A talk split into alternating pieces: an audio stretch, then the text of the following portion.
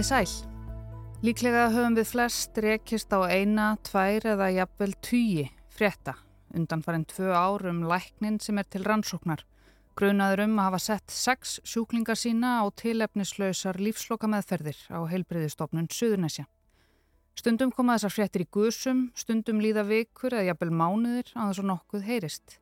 En svo dregur alltaf til tíðinda og fólk fer að kjafta við kaffefélarnar spyrja hvað sé eiginlega málið með hennan lækni. Lífsloka meðferð, líknar meðferð, laurugluransókn, aftur kallað starfsleifi en er samt að vinna á landsbítalanum. Þetta er allt saman frekar flókið, finnst mér, að minnstakosti. Svo mig langaði að varpa ljósi á þetta mál, læknamálið á HSS og fekk til mín konuna sem tekkir það líklega best allra bladamanna landsins. Ég heiti Sunna Valgerðardóttir og læknamálið á Suðurnesum verður á dagskrá í þetta helst í dag. Við skulum hefja leika hjá Stöð 2, sumarið 2021. Dana Kristín Jóhannsdóttir var 73 ára þegar hún lést. 11 vikum áður hafði hún verið lögðin á heilbreyðistofnu Suðurnesja þar sem hún átti að fá kvildarinn lögn sem nokkus konar félagslegt úrræði. Það var hins vegar ekki raunin því hún var sett á lífsloka meðferð án þess að vera upplýst um það. En læknirinn, skúli Tómas Gunnlaugsson, er grunaður um röð alvarlegra mistaka og vanrækslu en rannsók landlæknis í málinu er eins og umfangsmesta í sögu ennbættisins.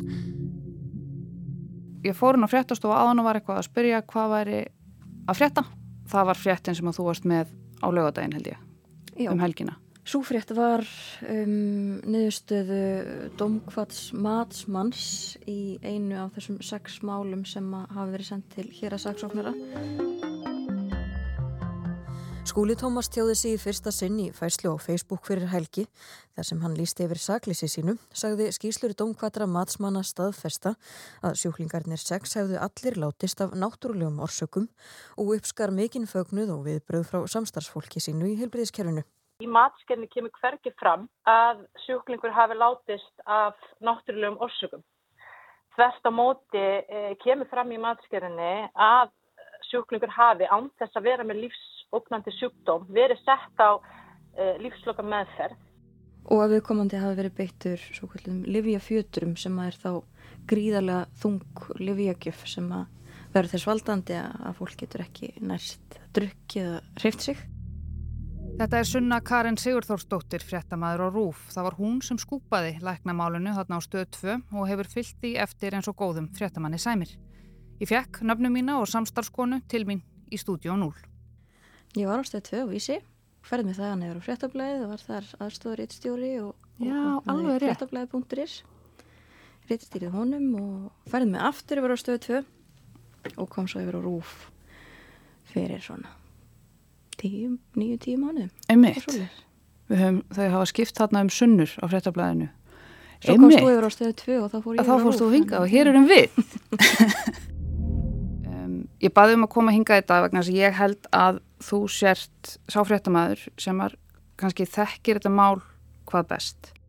Já, Sunna Karin Sigur Þórstóttir, fréttamaður á stöðu töðbylgjunni og vísi, hlaut í dag Bladamannavellun Íslands fyrir umfjöllun ásins. Hún fjallaði um tilefnislausar lífslokameðferðir af hálfu læknis á heilbriðistofnun Suðunesja. Í lókást 2020 fæ ég óljósa ábendingu um að til rannsóknar væru einhver alvarlegustu læknamistök sem að hefðu nokkuð tíman sérst. Frekar upplýsingar fekk ég ekki, ég vissi ekki hvaða læknir þetta var, ég vissi ekki hvort þetta hefði væri á landsbytalanum eða öðrum heilbreyðistofnunum og það er þannig byrjun ást 2021 sem að ég fæ svona frekari upplýsingar um að þetta sé heilbreyðistofnun Suðunisjá að landlæknir færi búin að rannsaka máli og þetta hefði verið einhver viðamesta rannsókn í, í sögu ennbættis landlæknis sem að hafi þá skilað af sér þannig skýslu sem að spannaði einhverjar 50 blaðsýr og listi í rauninni alvarlegum mistökum og vanrækslu. Sökundin heldur máli áfram að vinda upp á sig og kemur í ljósa lögurglunir að rannsaka þetta. Ég næði þannig að tala af fjölskyldu sem að samþykir viðtal Hildarinlögn, hún fer þarna inn og er sama dag sett á lífslokameðferð án þess að þessi búið að ræða kvorki við hana nýja eiginmann eða aðra aðstandatur. Dætur hennar eru að lýsa því bara hvernig heilsu og ástandi móður þeirra rakaði bara nánast með hver minnsta deginu. Uh, svo var okkur sagt að væri komið með legusára og róubein og undir það síðasta þá verið þetta orðið, þetta var 3 cm í þvermál og 3 cm djúft inn á beinu og komið drepi í þetta. Það sem á lífjögjöfum var það þunga þá gatt konan ekkert tjáð sig sjálf þannig að hvort þetta hafi verið gert með hennar samráði í rauninni lág aldrei fyrir út því hún gatt ekki tjáð sig. Og hvað gerist svo? Og hann hafnar öllu sem að kemur fram í áliti landlæknis. Hann segir að mistök hafi ráðið í að meðferðin hafi verið skráð sem lífsloka meðferð undir skamstöfuninni LLM þegar það hafi átt að standa LM þá fyrir líkna meðferð eða einnkjana meðferð en LLM er lífsloka meðferð. Er hann að segja þarna að það hafi í rauninni ekki verið lífsloka meðferð í gangi heldur líkna meðferð, það hafi bara óvart verið skráð sem lífsloka meðferð eða er hann að segja að það hafi óvart farið lífsloka meðferð í gang? Nei, þetta hafi óvart verið skráð lífsloka Já, meðferð. þetta var ekki lífsloka meðferð, Já. bara óvart, bara einslátt að vilja. Já, þetta hafi verið röngskráning um að þetta væri lífsloka meðferð en landlæknir fann engin gögn sem að styðja við þessar skýringar og eins og þetta er orðað eftir á skýringar. Hva, og hvað gerist svo? En já, fjölskyldan sem sagt leggur fram kæru til lauruglu og lauruglu hefur rannsókn á þessu og, og hérna Og við erum ennþá bara að tala um þetta einamál. þetta eina mál, Mhm. já. Og þarna á þessum tíma þá fer lauruglun á Suðunisjum fram á farbann yfir lækninum. Þarna byrtast fyrstu upplýsingar um hversu mörg hversu döðsföll eru orðin og þarna er þetta bara svart og hvítu. Þetta er bara í ofinberum gögnum bara á domstólar.is. Þar kemur fram að döðsföllin séu orðin sex talsins og að fimm önnur mál séu til skoðunar eh, sem að eru þá oftast í tengslum við fólk sem var mögulega sett á lífsloka meðferð en fekk síðan inn á hjúkunarheimili. Mm. Þannig að það fólk er enn á, enn á lífi. Það er sett á lífsloka meðferð á helbriðstofnum Suðunisja En kem síðan inn á en hjúkunarheimili. kem síðan inn á hjúgrunarheimili og þá svona, við erum hægt við lífsloka meðferðina. Já, Farið inn á hjúgrunarheimili. einmitt. Og það var líka sko eins og í þessu uh, fyrsta máli sem vorum að tala um. Læknirinn segir, segist hafnað í alfarið að hann hafi stuðlað að ótímabæru andláti og segist tvert að móti hafa lagt á sig mikið erfiði við að bæta líðan konunar með það mark, að markmið að hún kemist á hjúkunarheimili. Landlæknir fann hins vegar ekkert sem að bendi til þess að veri verið að þrýsta á vistun eða væri verið að undirbúa konuna fyrir undir langtíma vistun á, á hjúkunarheimili. Og hvenar er þetta farbann og, og þetta allt saman? Þetta var, Gerðið þú fréttur um þetta? nei, Krefjast farbanns yfir lækninum, þú gerir bara víst fréttur um þetta? Já. 24. november 2021, Sunna Karin Sigurþórsdóttir. Krefjast farbanns yfir lækninum, fekk nýverið endur nýjað takmarkað starfsleifi. þetta endur nýjaða takmarkaða starfsleifi var bundið við ákveðna dild á landsbítalunum og hann mátti ekki umgangast sjúklinga heldur er þetta í rauninni skrifstofu vinna en þó inn á dild á landsbítalunum. Ég skil ekki bara, og ég held að, að ég tali fyrir munn margra, að einhver sem er til rannsóknar fyrir svona alvarlega vanrækslu í starfi, eða svona alvarleg brot bara, að hann fái að starfa á meðan á rannsókn stendur. Getur þú einhvern veginn ímyndað þér af hverju það er? Nei, ég get það ekki. En sko það að svifta einhvern starfsleifi það þarf gríðarlega mikið til þess. Og ég hugsa að það þurfa að liggja fyrir dómur til þess að, að það sé hægt að svifta mannesku algjörlega starfsleifi og það kom síðan í ljós núna nýverið að landsbítalinn fór aldrei fram á það, gerði aldrei kröfu um að þessi læknir skúli Tómas færi í leifi heldur fór hann í leifi að eigin ósk Er hann svona rosalega góður læknir eða er hann, er, er hann með einhverja svona rosalega mikla reynslu á ákveðnum sviðum? Hvernig maður er þetta? Það sem ég hef legt mikið áherslu á með mitt samt, af því það er alveg gríðastort, að ég vil ekki, það er ekki menning að loka þetta af, loka þessu verka af í geimslu. Hann er mjög virtur læknis, hann er virtur hjartalæknir og starfaði í bandaríkjónum í einhver 20 ár þar sem hann rak sin eigin spítala með fleiri læknum en hefur ekki starfað við, sitt sérs við á Íslandi frá því hann kom aftur til landsins þannig held ég árið 2018. Ég er hjartalæknir og kem svona konkrétt heimi þar sem allt er, allt er stífað niður og, og, og svona vísan að róa með flest. En í þessu, ég, þetta er alltaf eitthvað óvænt og ef ég finn eitthvað óvænt þá er það, þá er sigur unnin sko. Hérna erum við með frétt á Rúf sem þú skrifar og gerir síðan 17. janúar, núna bara. Rannsók lauruglu á hendur fyrirvændi lekna herbyrjastofnum Suðunesja sem grunaður er um að hafa sett sjúklingar sína í tilefnislausar lífslokameðferðir er að ljúka. Mál hans verður sendt til héraðsaksóknara til ákjæru meðferðar síðar í þessum mánuði. Hann er grunaður í sex málum. Þetta staðfestir Úlvar Lúðvíksson, lauruglustjóri á Suðunesjum í samtali við fréttastofu. Dægin eftir, 18. janúar, gerir þú aðra frétt, læknirinn komin aftur til starfa á landspítalanum Og daginn eftir, 19. januar, þá tjáur hann sig í fyrsta skipti, mm -hmm. ofinberlega.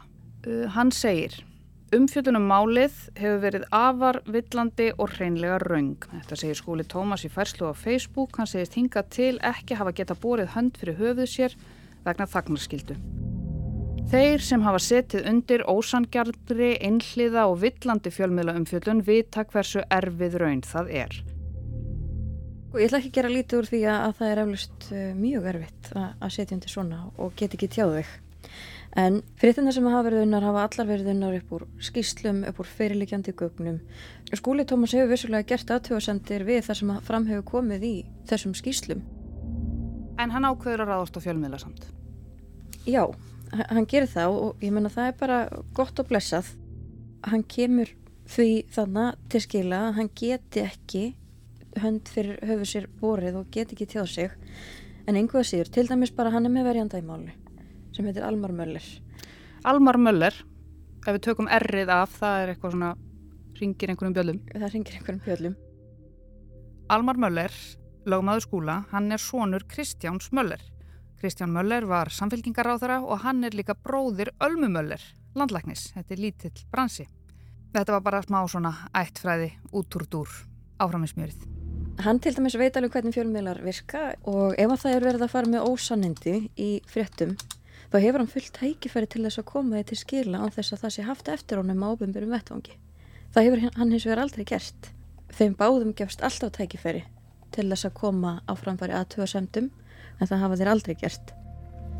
En já, samstarfsfólk tekur upp hanskan og þetta eru svona ymsir málsmetandi einstaklingar, við erum með fyrirverandi fórstjóra landsbítalans. Já, þetta er Pál Mattíasson. Stjórnuleiknin hann í eldúsinu og menn fara tjá sig í fyrsta skipti og ég fagnaði út af því í tvö ár hef ég verið að kalla eftir svörum frá landsbítalanum og aldrei fengiðu. Mm -hmm. Pál Mattíasson fyrirhandi fórstjóru landsbyttalans veldir því upp í stuðningsyfirlýsingu við skúla Tómas Gunnlaugsson hjartalækni hvort að sé aflagt að fólk sé saklaust, unst, sekt, sé sönnuð. Hann segir fjölmjöla hafa farið offari í málinu, uh, Pál og skúli Tómas eru samkvæmt upplýsingu fréttastofu miklir vinir, hluti af nánum vinahóp og voru samferðaði gegnum læknanámið hér á landi á sínum tíma. Þetta skrifar Kolbjörn Tumi Daðarsson á vísi og vitnar þarna í status frá Páli Mattíasinni sem er nú engin smá negla í bransanum. Síðan fylgir hann Ragnar Freyr Ingvarsson, læknir. Það hefur verið ótrúlegt að fylgjast með þessu máli síðustu árin. Ég þekki það kannski betur en flestir þar sem ég hef unnið með skúla Gunnlaugsinni síðustu árin og þekki hann bara af góðu. Það hefur verið keirt áfram af dæmalisri hörku og algjörlega einhliða í fjölmiðlum, svo verðist sem þetta mál hafi verið rekið helst af einum fréttamanni, fyrst á stöð 2 og nú rúf og skila viðkomandi bladamannavelunum í fyrra. Þetta er klassist að hjóla í fréttamannin. Mm. Þú veist, gaggrinni, hún er ótrúlega mikilvæg og það er mikilvægt að við lesum þetta allt, tökum þetta til okkar og skoðum hvaða er sem við getum gert betur. Mm. Þú veist, út af það snýst þetta starf. Þetta er lítið samfélag, þetta er lækna samfélag, mm -hmm. þannig að bara sjálfsögur stenduru með þínum getur við samt sett spurningamerki við það að þessi tveir læknar séu þarna að lýsa yfir eindregnum stuðningi og samstöðu með skúla áður en að niðurstaða rannsóknarinnar, ég meina hvað ætlaði það að gera ef að hann er svo fundin segur? Það liggur fyrir að það stendur yfir laurugluransókn vegna grunns um sex döðsföll sjúklinga Ef þeir trúa því ekki þá geta þeir farið á domstólar.is og skoða til dæmis farbansúrskurðin þar sem að það kemur fram að máli sér ansaka sem 211. grein almennra hefningalega sem er manndráp. Þeir geta væntanlega síða allar þessar skýrslur hjá félaga sínum. Það er eins og þeir gleymi því að þetta er allt saman staðrindir og þetta er allt saman í gangi. Ef við bara berum þetta saman við pólitíkusa, ok? Mm -hmm. Eh, stjórnmálamæður er grunaður um alvarleg brot. Brot á hvað það eru 100 211 grein 211 grein, einmitt. Eh, viðkomandi stjórnmálamæður myndi vantanlega segja af sér. Viðkomandi stjórnmálamæður er þið nafngreindur í fjölmiðlum einfallega vegna þess að ábyrð hans er mikil í samfélaginu og hann sætir laurugluransókn burt séð frá því hvað svo kemur út úr þeirri laurugluransókn þá sætir hann samt laurugluransók mm -hmm. og það eru tíðindi og það þarf enginn að velta fyrir sér hvort að fréttaflutningur af svona stóru máli eins og þessu eigi rétt á sér eða ekki. Þetta eru alvarlegustu ásakanir sem hafa verið borðnar og heilbriðistarsmann á Íslandi og jafnvel víðar. Ef við hórum aðeins uh, fram á veginn, þú þekki nú, hefur nú skrifað fleiri en tvær fréttir um svona lauruglumál og glæpi gegnum tíðina. Nú er rannsók lauruglu lokið eða aðljúka, hún fer til hérasaksóknara. Hérasaksóknara er ekkit farlið að rannsaka það, heldur meta það út frá fyrirlikjandi gögnum hver næstu skrifið eru. En þanga til, einminna staðin er núna þannig að hann er að starfa á, á landsbytalanum? Áður var starfslefið hans þannig að það var bundið við ákveðna dild. Núna má hann í rauninni starfa á öllum dildum landsbytala en á ekki að vera, á ekki annars sjúklinga. Mm. Eins og stundum þá slæ ég enda punktinn með þeim orðum að framhaldið verði svo bara að koma í ljós og það er engin undantekning hér. Ég heiti Sunna Valgerðardóttir og nafna mín og samstarfskona Sunna Karin Sigurþórsdóttir var mér til halds og trösts eða ég kannski henni í þessum þætti að þetta helst um rannsókn lauruglunar á máli læknisins á Suðurnesum, viðbröðum samstarfsmanna hans og þögn hilbriðiskerfisins. Takk fyrir að leggja við hlustir og við heyrumst aftur á morgun.